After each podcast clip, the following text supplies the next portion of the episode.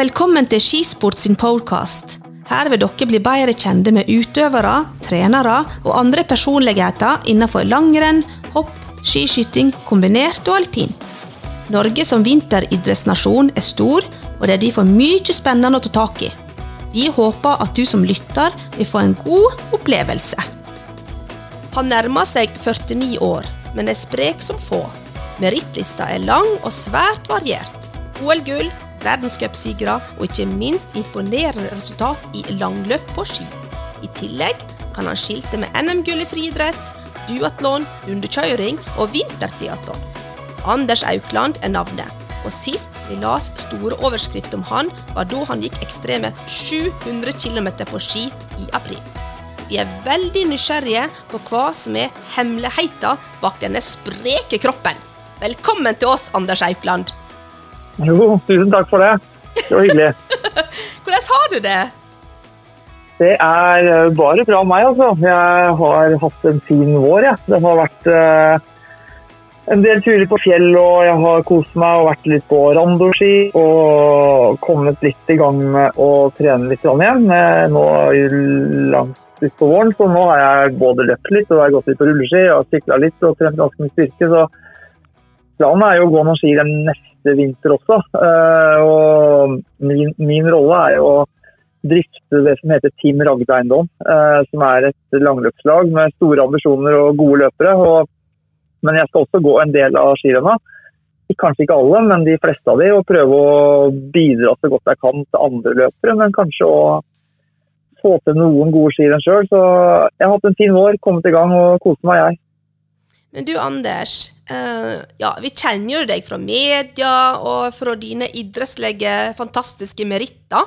Men litt sånn oppveksten din, hvem er en Anders? Jo, jeg er vokst opp i Tønsberg sammen med to brødre som også var uh, Alle tre var jo veldig interessert i idrett. Hadde foreldre som var uh, veldig aktive og tok oss med på alt som var av fjellturer og padleturer og skiturer. Og vi var ekstremt aktive jeg si, og begynte å konkurrere både i ski og friidrett og orientering litt i starten. Litt hundekjøring òg, men det ble etter hvert liksom løping om sommeren og ski om vinteren. Eh, så for meg så har jo alltid vært eh, veldig interesse for idrett. Og, og likt å konkurrere hele året, egentlig. Og så er jeg jo glad i Tønsberg. Eh, jeg har flytta tilbake til Tønsberg nå, men jeg har vokst opp i Tønsberg og glad i sommer og båtliv og kajakk og saltvann, og ikke bare å gå på ski. Sånn at eh, det er, eh, det er liksom delte interesser i det. Altså. Men jeg tror den oppveksten var veldig prega av mye trening og mye konkurranser. Og et veldig godt sånn, miljø da, her i Tønsberg. Det var det. Men hvordan er det å ha to brødre, Fredrik og Jørgen? Altså, dere må nå ha hatt eh, et godt sånn her, eh, hva si, oppvekstmiljø og være tre brødre i lag? Ja, vi hadde kjempegøy sammen. og Vi hadde jo felles eh, venner og vi hadde felles interesser egentlig lenge. Og har jo det fortsatt, for så vidt. Og, og hadde veldig mye glede av hverandre, helt klart. Og var mye på tur sammen og mye trening sammen. og så Det betydde mye for meg. og Nå det siste året har jo Jørgen og jeg hatt gått mange skirenn, lange skirenn sammen. Og vi har også hatt eh, Nå drifter vi jo det langrennslaget eh, sammen også, som jeg har gjort nå i, i, flere år. Så det har vært eh, kjempemorsomt. Men du har altså med, du har vært en veldig allsidig idrettsutøver. Altså, Du har vært med på så mye forskjellig. altså Både friidrett, langrenn, eh, hundekjøring og vintertriatlon. Eh, men langrenn, hvis jeg går inn på ski du har jo OL-gull fra stafetten eh, på begynnelsen av 2000-tallet. Stemmer det? 2002 i Saltvik, ja. Stemmer det. Yep. Ja. og så eh, har du jo på en måte blitt et veldig kjent navn innenfor langløp. Vunnet Vasaloppet. Altså, du har jo eh, ja, gjort det veldig godt innenfor langløp. Hva er det dine beste minner fra langløp? Beste minner fra langrenn? Langløp. Beste minner fra langløp, det er uh, Marcialonga og Vaseloppet. Uh, det er de to rennene som peker seg ut som de største sånne klassikerne, da, eller de monumentene, som man skal kalle det i langrennssporten, lange distanser. Eh, foruten femmila og Holmenkollen, som er et worldcuprenn, så fra langløp så var jo å vinne Vaseloppet første gangen en stor opplevelse. Og det å, å vinne Marcialonga har vært stort. Men også det å være en del av et lag som vinner. Eh, når Andreas Nygaard vant, vi var en del av et lag i Vasan. Eh, når Jørgen har vunnet Barcelona. Så jeg har mange gode opplevelser. Vanskelig å trekke fram én, men jeg, jeg, har veldig mange opplevelser fra de to renna særlig. Som har vært eh, veldig morsomme og veldig gode. Da. Så det er uh, de, viktigste rennene for meg når det gjelder lange skirenn. Og så tenker Jeg litt sånn, jeg er veldig glad i friidrett. Og Du har jo vunnet NM-gull i friidrett òg. Kan du fortelle litt om det? Det hørte jeg ikke helt, men du, du har jo altså meg vunnet noen NM-gull i friidrett òg. Ja, jeg var eh, Jeg vil nok si at det fram til eh, Altså, jeg, jeg, var jo veldig allsidig, og kanskje sånn jeg var, jo, jeg, jeg var jo det fordi jeg syntes det var gøy. og var, Nå er det nok mer vanlig å spesialisere seg mye tidligere. Og jeg tror nok det også kanskje er lurt hvis du ønsker å bli veldig god og få en karriere hvor du slår gjennom tidlig. Så, men jeg syns når jeg vokste opp, så var det naturlig egentlig å både konkurrere ski og løping. Og jeg likte det. Jeg syntes det var veldig gøy. Og, uh, så jeg gjorde det fordi jeg likte begge konkurransene. Jeg var egentlig usikker på om jeg skulle satse på løping eller langrenn fram til jeg var 19-20 år. Uh, og jeg har jo ikke hatt noe Jeg løp vel fortere og fortere til jeg var 19 år, og så har jeg løpt saktere og saktere. Men uh, prøvde å holde meg sånn OK, da. Men, uh, men og etter det så hadde jeg jo en veldig framgang på ski. sånn at jeg gjorde et valg da jeg var aldri 19 år kanskje, og spesialiserte meg helt på ski. Men jeg fortsatte å konkurrere litt i løping. Og gjorde det OK bra. At jeg tok noen NM-medaljer i sånne løping, men det vil jeg nok si var at jeg hadde jo et visst talent for løping. Jeg hadde trent brukbart med løping fram til jeg var 19 år, så fløyt jeg litt på det. Og så var det jo helt klart tynnere nivå enn det er nå. Altså, jeg hadde jo OK tider på 3000 og 5000, men, eh, men eh, det, det, løpes jo fortere i dag. Og det er jo mange som trener kanskje bedre enn det var den gangen jeg løp. Da. Men eh, jeg, jeg syns de opplevelsene jeg hadde fra løping var fantastiske. Og det å løpe og være i god form og løpe på bane, det syns jeg er kjempemorsomt. Så jeg savner jo det å ha fart i steget og det å kunne løpe fort. Eh, og jeg er veldig glad for at jeg satsa såpass lenge på løping som jeg gjorde.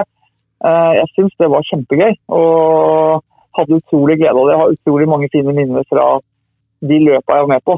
Men eh, skal man bli Har man planen, har man ønsker om å nå liksom et verdenstoppnivå i en idrett, så må du jo gå inn for det. Eh, kanskje etter den alderen der, da. Men, men jeg har veldig gode minner fra løpinga. Men har du vært innenfor ei friidrettsbane siste åra? én gang i året løper jeg 3000 meter. Jeg må prøve å holde se hvor nivået står. Uh, altså Løping for å bli god på ski, det handler jo om å bruke løping som kommisjonstrening. Uh, og Da løper man gjerne i bratte motbakker, og gjerne med staver. Og prøve å imitere, lignende på det man gjør i en bratt skirenn. Nå er det jo staking som jeg har drevet med de siste 12-13 åra. Og stort sett bare staking. Så veldig mye av treninga mi er veldig spesifikt mot staking rulleski, eh, stakemaskin, skierg. Da. Og når jeg løper, så løper jeg gjerne på mølle, 10% motbakke, for å få høy uh, ventilasjon og bruke lungene og få høy puls. Bruke det som en ren kondisjonsvekt. Og det har jo ikke så mye med løping å gjøre, i form av å løpe fort og flatt. Men uh, jeg har vel kanskje et par økter jeg løper noen tusenmetere, og en uh, gang innom banen løper intervalløkt, og en 3000 meter hvert år. Det er fordi det er gøy, men du blir jo bare skuffa når du ser på klokka. men kjenner du det leggende dagen etterpå? Å ja, det er jo helt noe annet. Det er jo løping, så blir du jo fryktelig støl når du ikke er vant til det. det da blir jeg støl, altså. Men uh, jeg savner litt det å ha den gode følelsen i løping. sånn at på sommeren her i løpet på de gamle treningsområdene mine i Tønsberg, på stiene rundt Greveskogen. og da har jeg og lukter liksom tartan, lukker her ja. meg. Så er det Jeg har veldig mye gode minner og har lyst til å gjerne løpe litt mer. Men, men hvis jeg skal klare å få til det jeg ønsker forhold til lange skirenn, så må jeg bruke den tida jeg gjør på trening. Mest mulig mot det jeg skal, da. Men øh, jeg har lyst til å prøve meg å se, se om jeg klarer ni blank på 3000 i år. Så får jeg se om jeg klarer det. Det bør være en sånn en målestokk å se om jeg kommer på det. Men når du sier Greveskogen, det er sånn, jeg har et godt minne fra Greveskogen utenfor Tønsberg der. Der har jeg sprunget, og det gikk så bra. Så det er sånn, jeg, når du sa Greveskogen, så bare fikk jeg sånn godt minne inni hodet mitt.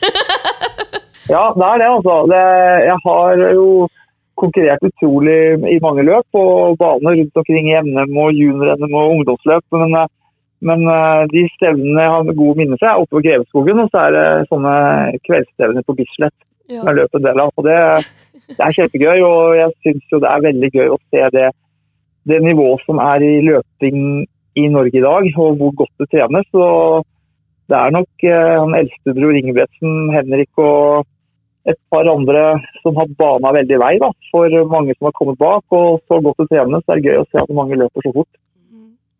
Men du Anders, du blir altså 49 år 12.9. Hva er det som gjør det. Ja, du gjør det! det høres mye Om du vil eller ikke. ja. Hva er det som gjør at du holder deg i så god form i den alderen du har? Ja, det er nok uh, at uh, jeg var inne på at jeg har trent allsidig fra jeg var ung. Og nå tror jeg faktisk jeg flyter litt på det. At jeg har trent allsidig, altså løping og ski og kondisjon så lenge og nå tror jeg kanskje det er en styrke for meg. At jeg har en sånn veldig god treningsbakgrunn. At jeg tåler mye At jeg, at jeg ikke blir så skada. At kroppen min har mye trening som jeg kan flyte litt på. Og så er det at jeg er veldig glad i idretten. Altså, det er ikke alle treningsøkter jeg syns er så gøy. Er jo, det er jo sånn at Når jeg drar ut og trener, så gjør jeg det for å få opp resultater. Men jeg, jeg er også glad i sporten. Jeg, jeg elsker konkurransene. Altså det å forberede seg mot en konkurranse og stå på start i et skirenn eller et løp og føle at du nå ser hvor god du er, da, og måle seg mot de andre eller mot deg sjøl, det, er den, den, det kicket eller den, eh, den spenninga og det som er rundt konkurransene, det er verdt en drivkraft hele tida. Og det er jo fortsatt det. Og nå har jeg akseptert at eh, jeg går litt saktere enn jeg har gjort før. Sånn er det når du blir eldre, men jeg syns det er fascinerende å se hva man kan gjøre med god og riktig trening. Eh, og Det har jo vært de siste åra en eh, motivasjon for meg. At eh, jeg syns det er gøy å se hva jeg kan få til med den treninga jeg gjør, tross, på tross av alderen. Og så har jo vi som driver med langløp, vi er jo på samme startstrekk da, som tusenvis av andre mosjonister på veldig ulike nivåer. Veldig høyt nivå, noen på veldig lavt nivå som går Vaseloppet eller går Birken eller er med på triatlon eller løper maraton. Og de, eh, de, eh, kan jo måle seg litt med meg i forhold til alder ofte. Og de kan også Jeg tror ikke jeg trener så mye mer enn mange av de heller. Så, så det er jo Jeg ser at jeg motiverer veldig mange andre, og det syns jeg er kjempegøy.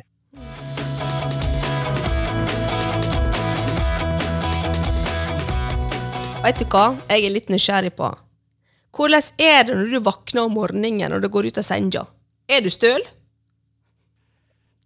Ja, det er ofte støl. Altså. Jeg har vært det nå hele mai. For, det, for det, jeg har begynt å løpe litt, og da blir jeg selvfølgelig støl. Legger og i låra eller i hamstring. Og så, og så rulleski er litt uh, verre enn å gå på ski. Altså, du får mer sånn bank muskulært. Ja. muskulært da. Så skuldre og rygg og albuer får kjørt seg, og så trener jeg styrke mer, enn, mer og mer, egentlig. Og det er viktig i forhold til alder, trene med styrke. Og jeg er ofte støl, eh, og det er ikke noe godt, men eh, det er sånn med trening at eh, jeg føler at jo mindre jeg trener, jo verre er det å trene og tyngre er det å trene. Og jo mer jeg trener, jo mer inni en sånn boble jeg er med fokus på trening og god trening, jo lettere er det å få trent.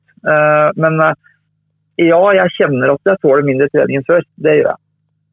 Ja, Kan du beskrive det litt mer konkret, hva du kjenner? Jeg blir kanskje litt mer sånn uh, muskulært støl og sliten. Jeg uh, kjenner at uh, jeg lettere får noen sånne småskader. jeg kjenner jeg har mista litt spenst, og jeg kjenner at jeg må trene litt mindre enn jeg gjorde på, på mitt meste. Helt klart. Det har jeg gjort i flere år. at Jeg trener kanskje øh, to tredjedeler av det jeg gjorde som mest da, i mengde og volum. Mens jeg alltid nesten hadde to økter og sånn før, så er det veldig sjelden jeg har to økter nå. Eh, det er bare på samlinger. Så, og det er fordi kroppen tåler mindre trening for å restituere seg. Og det er fordi at uh, jeg har andre ting å gjøre òg enn å bare trene og spise og sove. Som egentlig er ideelt hvis man har lyst til å bli veldig god. Sånn at Det er en kombinasjon av livet mitt som ser litt annerledes ut, og at uh, kroppen helt klart uh, tåler uh, mindre trening. Men syns du, som har vært så aktiv så lenge, at det er litt sånn vanskelig å akseptere det at kroppen sier ifra?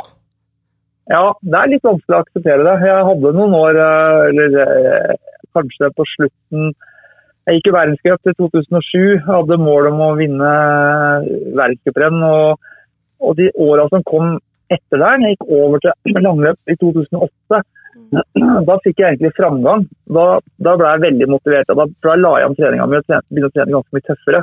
Jeg begynte mye, mye mer sånn spesifikk staketrening og begynte å bli litt inspirert både av det syklister gjorde og det kajakkpaller gjorde fra styrke. Jeg begynte å, liksom, å sette sammen treninga mi litt annerledes enn jeg hadde gjort når jeg var på landslaget. og Jeg ble en bedre skiløper i noen år der og hadde jeg, jeg, har egentlig funnet at jeg sånn maksnivå i forhold til både kondisjon og styrke og sånn, så klarte jeg egentlig å holde det til jeg var kanskje 3-4-2-43 år. Og etter det så har det gått litt nedover.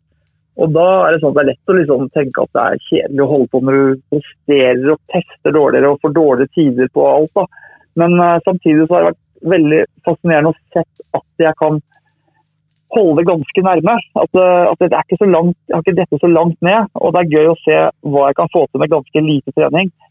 Men det, det viktigste er jo at uh, mitt største mål nå er jo at eh, som langløper så er det jo litt del av et lag. Altså det, når to-tre andre løpere jeg har på laget kan vinne skirenn, og jeg kan være med dem på trening, jeg kan matche dem på trening, jeg kan kanskje gå foran dem med lettere hjul. Jeg kan, eh, jeg kan gjøre ting sammen med dem hele tida for at de skal vinne skirenn. Og jeg skal kanskje sette dem i en posisjon for å vinne skirenn. Jeg kan prøve å gå i brudd, jeg kan prøve å tette et brudd. Jeg kan gjøre jobben underveis, jeg kan gi drikke, jeg kan gi stav. Altså, det er sånne ting da, som gjør at det, det er veldig motiverende å være i det skirennet, selv om eh, jeg veit når jeg starter at jeg ikke vinner det skirennet. Det jeg tenker da, du har jo altså meg eh, yngre folk eh, rundt deg og Ja. Eh, de må nå se på deg som et godt førebilde? Ja, etter hvert så har jeg blitt sånn en, Jeg har jo alltid vært der og har jo enorm erfaring. Og jeg gikk jo worldcupen før mange av de ble født. Sånn at Det er veldig artig å tenke på, men vi er på samling og er på tur og er på konkurranser, så så tror jeg kan være motiverende for en del av dem pga. at jeg sitter på mye erfaring. Og det de kanskje syns er litt uh, uh, motiverende å se, det er at det, eh, når det blir litt alvor og når det er uh, konkurranser, at, det, at, jeg fortsatt er sulten. Da. At jeg klarer å bli nervøs, at jeg blir finner den spenninga i konkurransene og den gleden i de konkurransene. og Det, det kan nok motivere en del av de andre. Og mitt viktigste råd liksom der, ja, det, det er liksom å bruk sjansene du får. Liksom. Du, er, eh, du, ikke, du, er ikke i god form og frisk og stå på start altfor ofte. Så eh, det er konkurransen vi trener for. og Bruk de sjansene man får. Og eh, gled deg til konkurransene. Det er, liksom, eh, det er veldig mange som har veldig fokus på treninga, og den jobben må selvfølgelig gjøres kjempebra. Men det er jo når det virkelig kommer til konkurransesituasjonen jeg syns det her er morsomt. Mm. Men du, får du litt sånn eh, ja, spørsmål, eh, skråstrek kommentarer fra eh, miljøet eller andre mosjonister som ser litt opp til deg? Hvordan du på en måte klarer å håndtere dette her og være snart 49 år og være så sprek?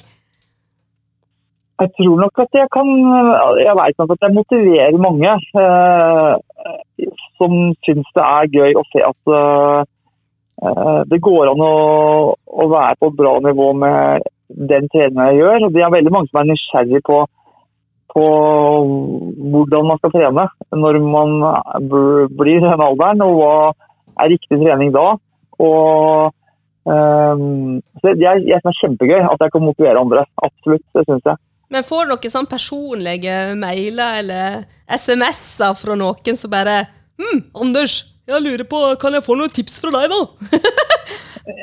Ja, altså det er mange mosjonister som har spørsmål om trening og utstyr og sånne ting. Og det går veldig mye på, veldig mye på trening, men øh, jeg syns jo øh, det, det er lett at man er en toppidrettsutøver og går øh, verdenscup, sånn som jeg gjorde for mange år siden.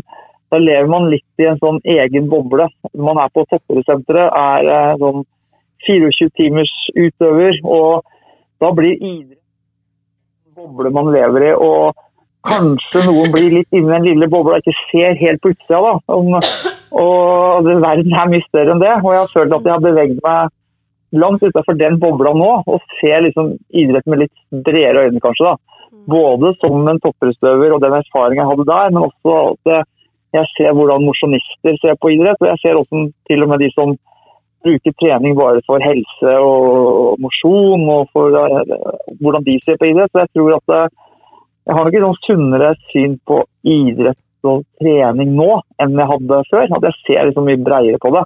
Og det syns jeg er en kjempebra erfaring å ha uh, nå. Det syns jeg. Men eh, sånn som jeg eh, Nå kjenner jeg ikke deg personlig, men jeg har nå fulgt deg eh, en del år. Um, og så eh, legger jeg nå merke til litt overskrifter her og der, når du har noen stunt. jo, det Og eh, du er nå ganske seigliva, har jeg skjønt. 12. april, ja ja. Hva du gjorde da? Gikk 700 km på ski! det var langt. Vi gjorde det. Vi, det det der begynte jo egentlig ikke i fjor. fordi da når korona og covid kom i fjor, så ble jo en del av vår sesong av, avlyst. Eh, vi gikk Vaseloppet den siste renn, og så ble Birken og eh, to-tre andre renn avlyst. og Da satt jo vi der mange gode skiløpere med en veldig god form og fin føre i marka. Og vi måtte finne noe å bruke den formen på. og Da begynte vi å gå noen lange turer og delte det litt. Eh, med hverandre. Og så, og så begynte vi å, liksom å gå litt lenger og se hva de andre gjorde. Og så endte vel egentlig med at Joar Tele og jeg og Jørgen etter hvert gikk eh, to sånne skikkelig lange turer i Nordmarka. Den ene var på 320, tror jeg, veldig, var innom alt som var av bakker. Og så gikk vi, fant vi at verdensrekord var på litt over 500. Da, da gjorde vi det også. Så rett og slett for vi var nysgjerrige på å se hvordan det føltes, om vi klarte det. og om Eh, at du ville bare ta den rekorden, egentlig. Mm. Og det var kjempemye oppmerksomhet rundt og jeg syntes det var litt gøy, da. Men uh, jeg hadde ikke tenkt å gjøre noe i år, men uh, Jørgen ringte meg tre dager før den her 12. april og spurte at uh, du, er du sugen på å finne på noe Der ser vi kjempefine forhold på ja, i Nordmarka. Skal vi prøve å gå en skikkelig langt gjøre, gjøre noe gøy i år. Og da da ringte jeg til Joar Tele og Simen Østensen, som er eh, to hardinger begge to. Og vi, de var ikke så vonde å be, de heller. Så da rigga vi oss oppe på på Mylla, da, for det var det vannet som var eh, best egna. Mm. vi gikk på Gjerdingen, men der var det dårlig is. Det var tappa ut litt okay. i vinter, men Mylla var veldig fint. Eh, og for å gå langt så må du ha raskt føre. Altså du må ha Eh, ikke is, men du må ha veldig skarp føre da, som har vært sol på, og så har det fryse på igjen. Så må du holde seg på kuldegrader godt på natta. Mm. Som gjør at du kan skøyte med raskt føre. Og så, eh, men vi fikk mye vind, eh, så vi måtte skøyte den ene veien av vannet, og så staka vi tilbake. Så vi gikk, eh, vi gikk runder på Mylla. Det var vel tre runder som er rundt 30 km. Og så satt vi oss, tok av skia så vidt, satt oss i en stol eller satt oss på en liggeunderlag. og så fylte nytt drikkebelte og spiste bitte litt, og så ut på skiene. Kanskje tre-fire minutter maks. Tre minutter kanskje. Stopp, og så gå. Det var jo sånn vi holdt på. Og det var jo Vi gjorde det for vi ville liksom det det er litt spennende. Du beveger deg inn på noe helt annet enn det er å gå noe annet på ski. og Grunnen til at vi gjorde det, var, det var at vi, vi følte oss jo i sterke. Vi er veldig godt trent til å kunne gjøre noe sånt. Og så er vi litt nysgjerrig på å se hvordan det kjennes ut, hvordan kroppen takler det, rett og slett. Mm. Og, så det var, var spennende det der, altså. Men altså, dere er nå så seigliva at det er helt gale? Altså, det, det, du må være litt uh, Det går liksom mentalt etter hvert. Du får jo ubehag, og så blir du sliten og du blir trøtt. og du får litt uh, Det er veldig viktig å få riktig næring. Det lærer du mye om. Hvis du har gjort det der et par ganger, så skjønner du hva som funker og ikke funker. Og du må være nøye med Du må gå fort samtidig som du må gå liksom avspent. Da. Må, vi hadde jo over 20 snitt veldig lenge, så det gikk, gikk egentlig fort i starten. Og etter hvert så får du liksom betennelse, da, og så er det veldig mm, hvordan du får det eller ikke får det. Og du får vondt i hender og albuer og sånn, men uh, det blir jo en veldig sånn mental greie. Og det er en sånn mestringsfølelse det å klare å gå langt. Og det var jo enorm sånn oppmerksomhet rundt det, og det var jo bare kjempegøy. Vi samla inn veldig mye penger til Right to Play, som var utrolig motiverende for oss. Det var jo enormt engasjement. Det var jo masse, masse som var med å ga penger til for hver kilometer gikk. Eh, tror jeg 1,2 millioner eller noe.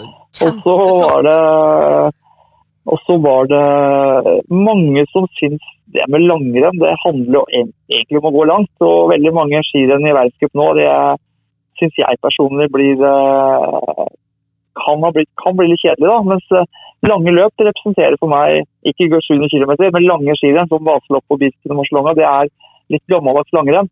Mange liker det, og det med å gjøre noen ekstreme ting på ski, det, det, liker mange å følge med på som egentlig ikke følger med på langrenn. Så de kan liksom forholde seg til det med lange distanser og kilometer og sånn. Så det var litt morsomt å prøve på det. Men når du snakker om akkurat det her med godt gammel, altså langrenn, så tenker jeg litt slik at eh, langløp i dag, det er jo staking ifra A til Å. Ja. Eh, når jeg tenker langrenn, så tenker jeg eh, både staking og diagonal og ja, ikke sant, vanlig langrenn, klassisk på en måte. Men dere ja. staker jo, altså meg fra A til Å. Hva Vi tenker staker, du om det? For det, nei, det er egentlig en naturlig del av, av utviklinga. Eh, jeg liker diagonalgang, men eh, det går fortere å stake. Og da syns nå jeg at staking er har uh, veldig gøy. Jeg har vært med på å utvikle. Se hvordan man kan trene for å gå fortere i staking. Men uh, lange skirenn det gås jo i traseer som har vært godt renn i 50-60-70 år. Vaseloppet er snart 100 år. Og de, uh, de traseene er forholdsvis slake. Og der går det fortest å stake. Det, å gå diagonalgang der ville sett veldig klønete ut. Det går fortere å stake. Uh, når du ser et worldcup på TV, så er de bakkene veldig bratte. De er så bratte at uh, de folk flest hadde gått fiskebein. Og der går man diagonalt. Så, det handler egentlig om uh, hvordan traseene er. da. og jeg synes jo utvikling av langrenn det er på en måte sånn, eller utvikling av idrett da, det er på en måte sånn drivkraften i idrett generelt. At du skal bli bedre og raskere og fortere. Og, og det er de yngre som eller det er jo sånn pushe de grensene da, som gjør at, lang, at idrett hele tida er, er, spennende. Da. Det kommer alltid noen som uh, utvikler teknikken. Og her handler det om teknikk da, som har utvikla seg veldig. Uh, det står ikke stille. Og treninga det også utvikler seg. Og Det gjør jo også at jeg har syntes det er gøy å holde på så lenge, faktisk. Men uh, jeg tror jo at langrenn på sikt, da, for å overleve som sport, kommer til å handle mer om lange distanser, fellesstarter, lag. Kanskje vi må se mot internasjonale lag, at ikke Norge skal dominere totalt. Eh, og der, der er jo sykkelsporten et forbilde sånn sett. da. Mm. At man kan ha spurtrøyer, man kan ha sånne torer da, med sånn overall gul trøye. At man kan ha både en sprint inni en by f.eks., og du kan ha en lang distanse, kanskje et vanlig skiløp, motbakkeløp på samme arena. da. Um, og så kan du ha mosjonisten der samtidig. Så det tror jeg er veien å gå. Og, og da syns jeg man skal ha det både i klassisk og i skøyting. Uh, om man går med fraspark eller ikke, det er faktisk terrenget som avgjør hvor bratte bakker man har lyst til å legge inn i, i traseen.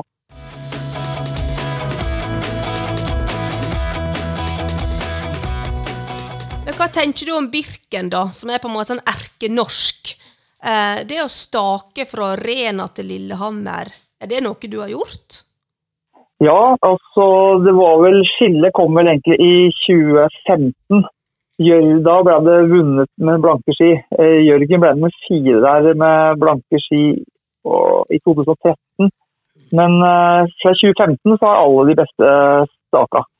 Så det har vært Det er ikke så lenge siden. Så det ble det godt med festesmøring. Så det, går fra, det, er en utvikling hele tida. Og for meg så er det utrolig fint å se estetisk å se. Altså man, altså det som går fortest, det er fint å se på. Å se staking, eh, å se staking når det går fort, det er fantastisk å se på. Når jeg ser eh, bare ser en 15 år gammel film fra når jeg gikk eh, OL i Salt Lake i 2002, da, så, så, ser jo det at når jeg staker der, det ser jo ikke bra ut. Eh, for det går, det går framover. Og det er jo det som er flott å se på. Det er jo idrett med høyt nivå. Og om det er staking eller diagonalgang eller skøyting, det spiller ingen rolle for meg. Det handler om at du skal, du skal bevege deg fort ut fra det, det utstyret og den teknikken du har. Men hva tenker du da? Det er så mange mosjonister som har Birken som mål meg inkludert, som er en vanlig dame i gaten. eh. altså for å, I Birken så er det veldig mye bakker, eh, helt klart. Og for de aller aller, aller fleste så må man gå med festesmøring og gå med diagonalgang. da, For å komme rimelig fort opp de bakkene. For at du skal være så god at det lønner seg å stake, så skal du være på et veldig høyt nivå. Det er for de, de helt fremste i eliteklassen som både er i stand til det, og hvor det går fortest. Det er det. Men hvordan skal du trene da? Jeg tenker Nå er vi i mai måned. Vi er på ja, 21. mai. Eh, vi går inn i en sommer, og det er mange mosjonister som har lyst til å prøve seg på rulleski, kanskje stake på rulleski. da. Har du noen tips til mosjonistene på hvordan de skal angripe sommeren? Ja, altså Hvis du har mål om å gå lange skirenn som f.eks. Bisken til vinteren, så er det jo å, lage, å, å trene begynne nå å trene godt i sommer. Eh, og da er det bruke mye av tida på rulleski. Og Da kan du både stake og du kan gå med fraspark når du er i mer kupert, kupert terreng. Og da, i, På rulleski så kan du gå både lange turer, og da mener jeg turer på to og tre timer, og kanskje enda lenger, opp mot fire. En gang, en gang iblant, da. men langturer, halvannen til tre timer på rulleski. Du kan gå intervaller og du kan uh, gå noen turer som er i, i sånn konkurranse hardere fart. Da. Altså uh, type den, den farta du kanskje går i Birken, kan kanskje gå en, opp mot en times tid i sånn fart. Uh, type sånn terskeløkt eller en, hard, en hard, kontrollert hardøkt. Mm. Det er bra å trene mye i den konkurransefarta. Det og det bør man gjøre mest mulig på rulleski. Så kan du løpe litt, gjerne i terreng og gjerne i motbakker for kondisjon.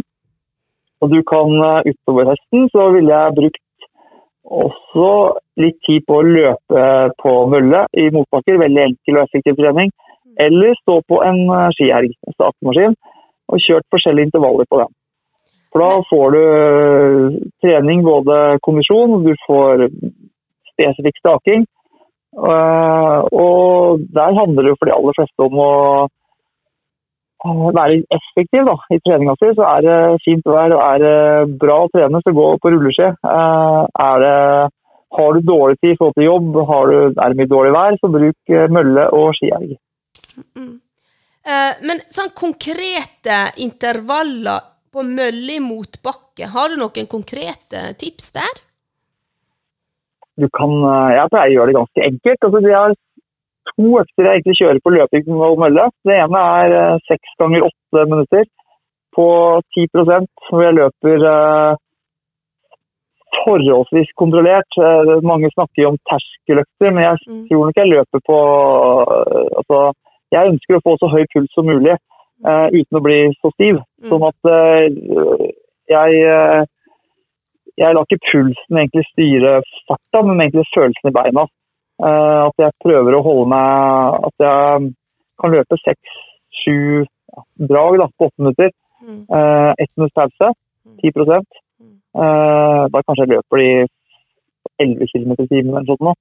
Men det er en fart som jeg er er passe hard. da. Det løper jeg en del økter av. Og så har jeg økter hvor jeg løper kanskje seks ganger fem minutter hvor jeg løper øh, litt progresjon. Jeg løper ganske hardt de to første, og litt kontroll. Og så løper jeg øh, ordentlig hardt på de tre-fire siste uten å ligge helt ferdig etterpå. Men altså, da prøver jeg å komme ordentlig uh, på ordentlig høy ventilasjon, løpe ordentlig fort da, på de par siste dragene.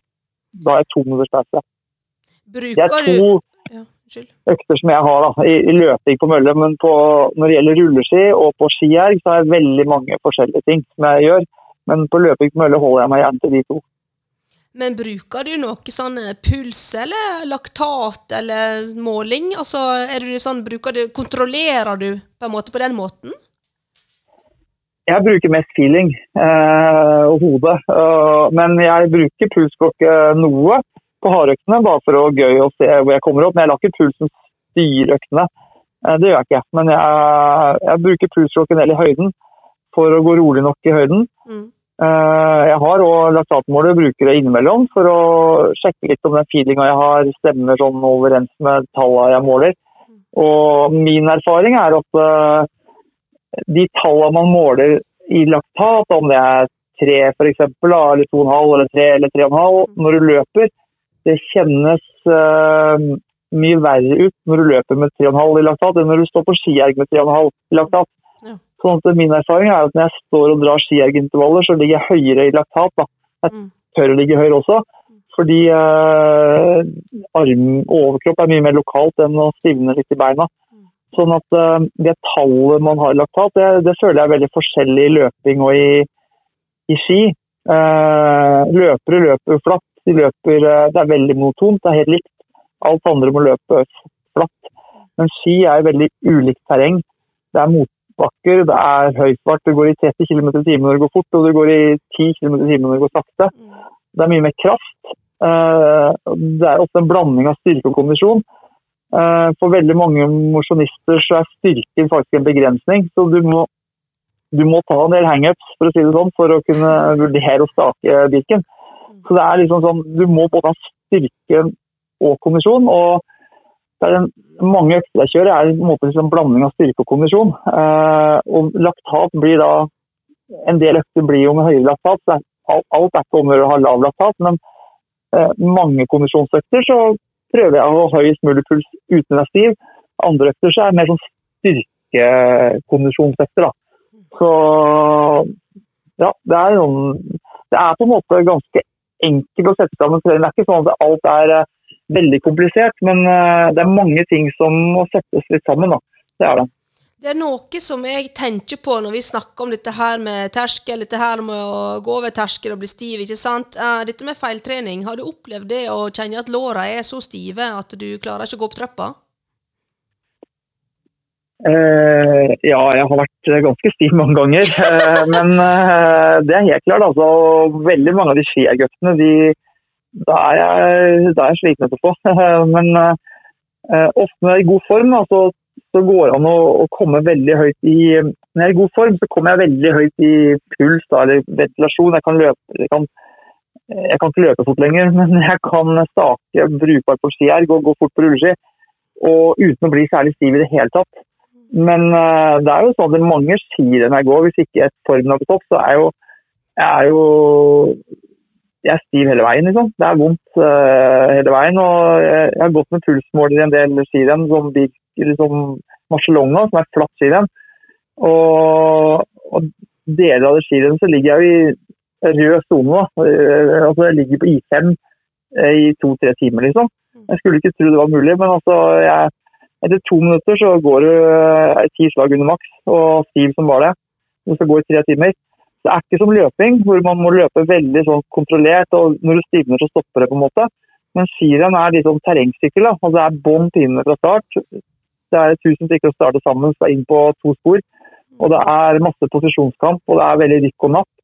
Og syre går av og på hele tida underveis i skirenn. Uh, så det er ikke det hele tatt som å løpe 5000 meter hvor det handler om å ligge i høyest mulig fart og flyte uten å bli stiv. Men eh, et skirenn kan ligne mye mer på et sykkelritt, hvor du er kjempestiv etter to minutter, og så går alle på. Så Det handler egentlig om å selvfølgelig om å være i best mulig form. og Veldig mye av treninga er ganske lik det jeg gjorde som worldcupløper, men uh, man må også ha en sånn herding av muskulatur. Man må tåle mange mange rykk. Uh, og du må, du må, ha høy lokal kondisjon da, i staking. Du må klare å komme opp i Joto O2 med å stake. Eh, hun Johaug hun sprang jo en eh, 10 000 meter nå forleden på Bislett. Og eh, det fikk du sikkert med deg. Ja, det, jeg så jo i fjor, og jeg så NM-terrengløp, og jeg så jo nå. Det er jo utrolig gøy. Og Eh, hun, hun, hadde altså, hun løpte altså med 25 runder på Bislett med eh, Hva de sa jeg, jeg hørte på podkasten i NRK De lange løp med Jan Post og Christian Ulriksen. Eh, hun løpte Hun hadde 180 i gjennomsnittspuls gjennom eh, siste, seks, nei, siste um, 16 rundene. 180 i gjennomsnittspuls! Ja. ja, jeg vet ikke hva har makspuls, men, men Therese er jo Ja, Therese, ja, da ligger det høyt hele veien. Og Therese er jo et, et kondisjonsunikum av de helt sjeldne.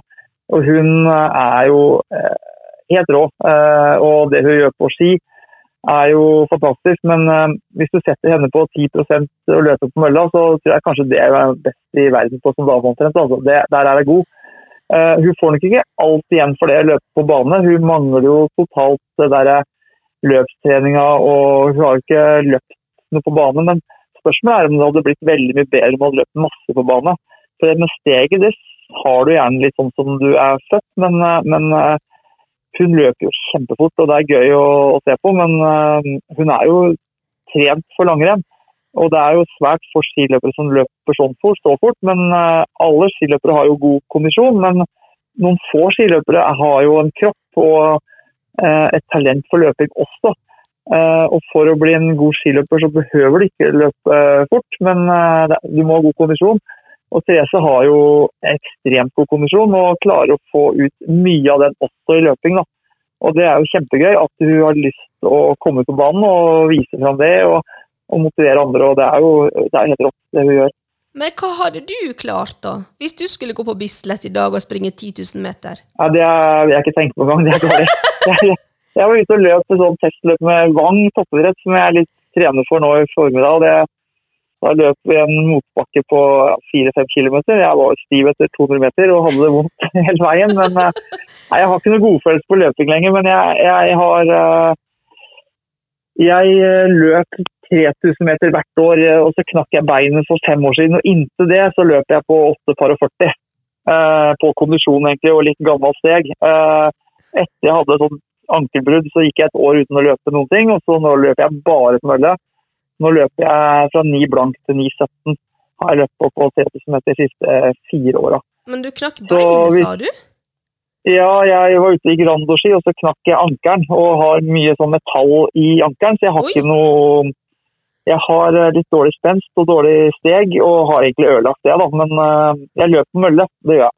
Jeg kan løpe, men jeg kan ikke løpe så fort. Men, eh, men et mål for i sommer for å være å løpe ni blank. Ja. Jeg har ikke klart det siste året, har vært rett over. Det har jeg. Men, men noe mer enn det er ikke jeg i stand til i det hele tatt. Og da går det jo ganske mye saktere på 10 000, da. Men det jeg får holde meg til det jeg kan. Det er å stake langt.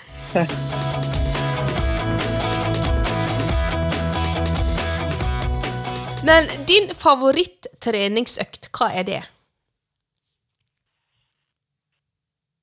Ja, tenker du da det som er mest effektivt, eller hva jeg liker Hva best å liker gjøre? best?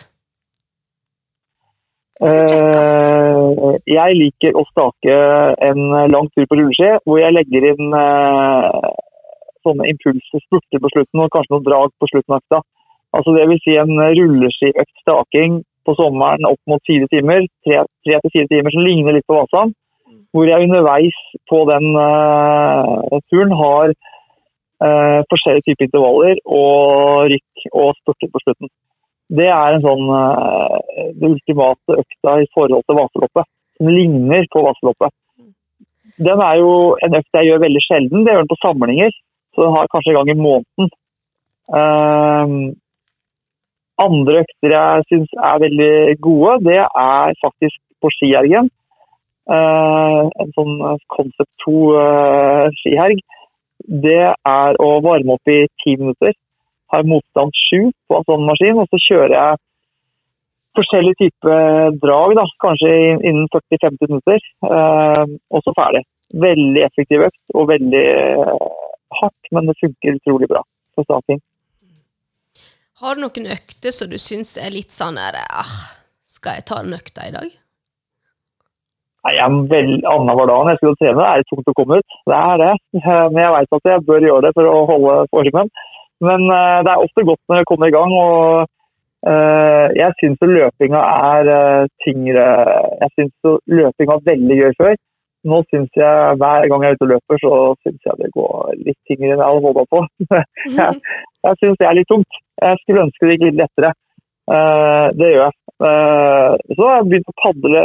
Jeg har alltid padla en del, men uh, jeg padler en del sånne surfski. Uh, og bruker det som ja, styrke, kondisjonsstyrke på overkropp, og det syns jeg er fine økter å ta seg. Ja, du bor nå med sjøen enn du, vet du, så det Ja, ja, men å padle er fint, altså. Er, jeg har også plukka opp blitt inspirert av padlere, og de er jo gode på styrketrening og henta litt elementer derfra. Men padling er, er god trening. Så er det et spørsmål jeg lurer litt på. Det, er litt, det er ikke akkurat innenfor trening, det er litt mer innenfor kroppen og kosthold og sånn. Nå er du 49 snart og har vært med i gamet her veldig lenge.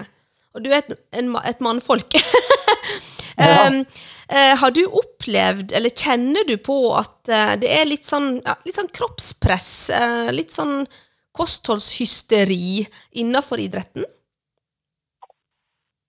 Jeg, jeg har aldri vært sånn ekstremt opptatt av kosthold sjøl. Det har ikke vært, jeg har gjort det veldig ekkelt og hatt veldig avslappa forhold til det. Og sett at andre har, har, tenkt mer på det, hva de har spist og målt ting og vært veldig opptatt av sånne ting. Jeg, jeg har ikke vært det. Um, men samtidig så, så har jeg jo sånn som uh, holder på med kondisjonsidrett som langrenn, så har man jo sett veldig mange i forskjellige miljøer og også innen sykkel og sånn. Så det med mm, hvordan det blir snakka om vekt, da, og hvordan så at jeg, i, i, min verden og Jeg ønsker jo å Jeg er veldig stabil på vekt. Jeg går opp og ned maks to kilo. Uh, uansett om jeg spiser så mye jeg vil eller om jeg trener mye styrke. Er, jeg, for meg så har det vært veldig stabilt. Men jeg ser jo en del andre utøvere, både gutter og jenter, som går veldig mye opp og ned vekt. Uh, og Det handler om liksom å optimalisere det. og så eh, Hvordan man skal snakke om det. da, i forhold til Hvis du skal gå ned fire kilo fra, fem kilo fra sommeren til du skal stå på start i Marcialonga, mm. eh, hvordan skal du gjøre det? Eh, hvordan skal man snakke om det? Eh, og Gutter snakker om på en annen måte enn jenter snakker om det. Mm. Så helt klart har jeg opplevd det der. og også vært større saker med jenter som har liksom vært, ikke vært på start, eh, i forhold til at det har vært eh, at eh, ting som ikke er bra i det hele tatt. Så jeg syns det er en sånn utfordring for idretten, liksom, for det er jo en sånn balansegang. Uh, og det er, veldig, det er veldig stor forskjell da, på uh, en juniorløper som er 17-18-19-20 år, og en som er 30 år. Som har masse erfaring, hvor det handler kanskje om å optimalisere noe i forhold til en som er i en utviklingsfase. Så det der er et veldig vanskelig tema når det kommer til vekt og særlig har jeg sett på jenter, da, som har, både som jeg har sett på andre på lag og sånn. Men eh, så det der er Jeg har sett og hørt og syns det kan være utfordrende å sette det har vært det for mange. For min egen del så har jeg veldig sånn uh, Det jeg er nøye med sjøl, mitt kosthold, det er jo å å være litt flink med å få i seg næring før og etter trening. Uh, at jeg ikke sluver så jeg og at jeg har litt sånn, spiser litt, det, det går helt seg sjøl, liksom. At jeg spiser litt hvis jeg skal ut på en andre økt eller hvis jeg skal ut på lang økt, så er jeg nøye med å spise så jeg tåler den økta. Uh, men nå er jeg så gammel og holdt på så lenge, så jeg kan jo gå uten mat på lange turer. Uh, og har ikke noe sånt problem med det. Men jeg tror nok det er viktig å være nøye med sånn etterfylling av, av god mat, at du har proteiner, at du har et, et rimelig sunt kosthold. da. Det tror jeg. Men eh, syns du idretten i Norge er flinke nok til å så, eh, ja, forebygge og handle? Jeg veit ikke om eh, jeg tror Oljemenn er flink nok. Jeg tror at uh, hvis du ser på veldig mange av de utøverne som presterer veldig høyt, uh, både i løping og ski, en del løper i Norge, da kjenner jeg gutta best, da. Så vil du se, og noen av jentene, så vil du se at det, det er ikke noe hokus pokus. Det er veldig enkelt. Det er veldig kontinuitet over treninga. Det er veldig enkel, men det er kjempesolid og det er mye trening. Og kostholdet er veldig normalt. Eh, men de er nøye med å ha næring når de, før de skal trene, og fylle på god næring etterpå. Det er ikke noe sånn, Du kan ikke bli god gjennom maten du spiser.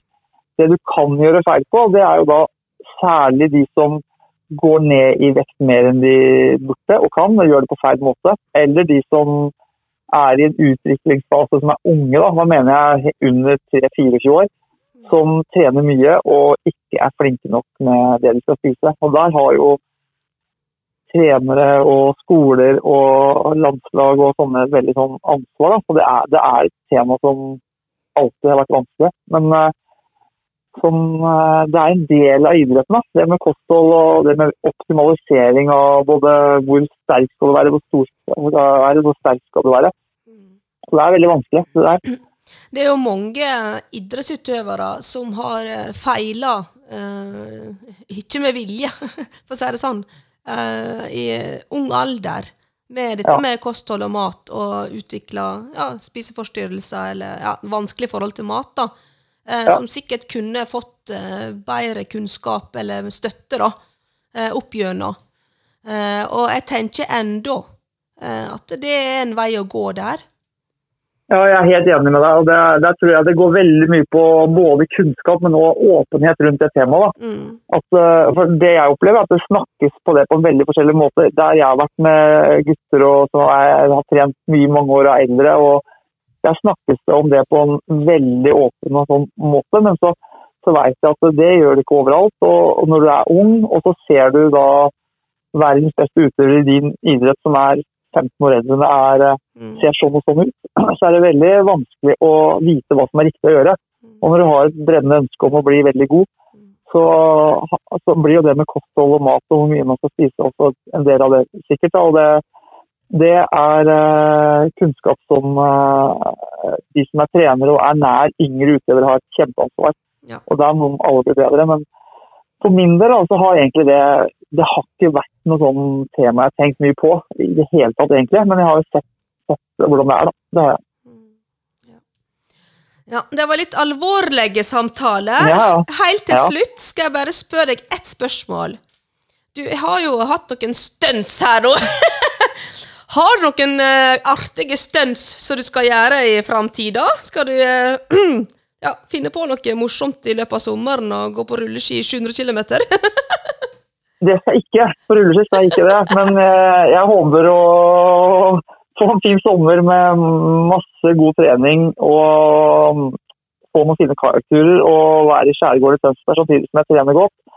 Og så får vi se hvordan sesongen blir. Men eh, helt klart det der eh, stuntet jeg gjorde i fjor sammen med Joar og Simen på 700 km og hva vi gjorde, opplevelsen av det, det det motiverte til uh, nye eventyr. Det. Så om det blir uh, dyr tur til Grenland eller om det blir noe annet, det er jeg helt sikker på. Men det har blitt sånn at jeg ikke klarer å vinne skirenn lenger, så jeg har funnet på andre, andre, ting som er morsomt. Så nei, det var morsomt å prøve noe ekstremt. Det, var, så det, det kommer jeg nok til å gjøre igjen. Ja.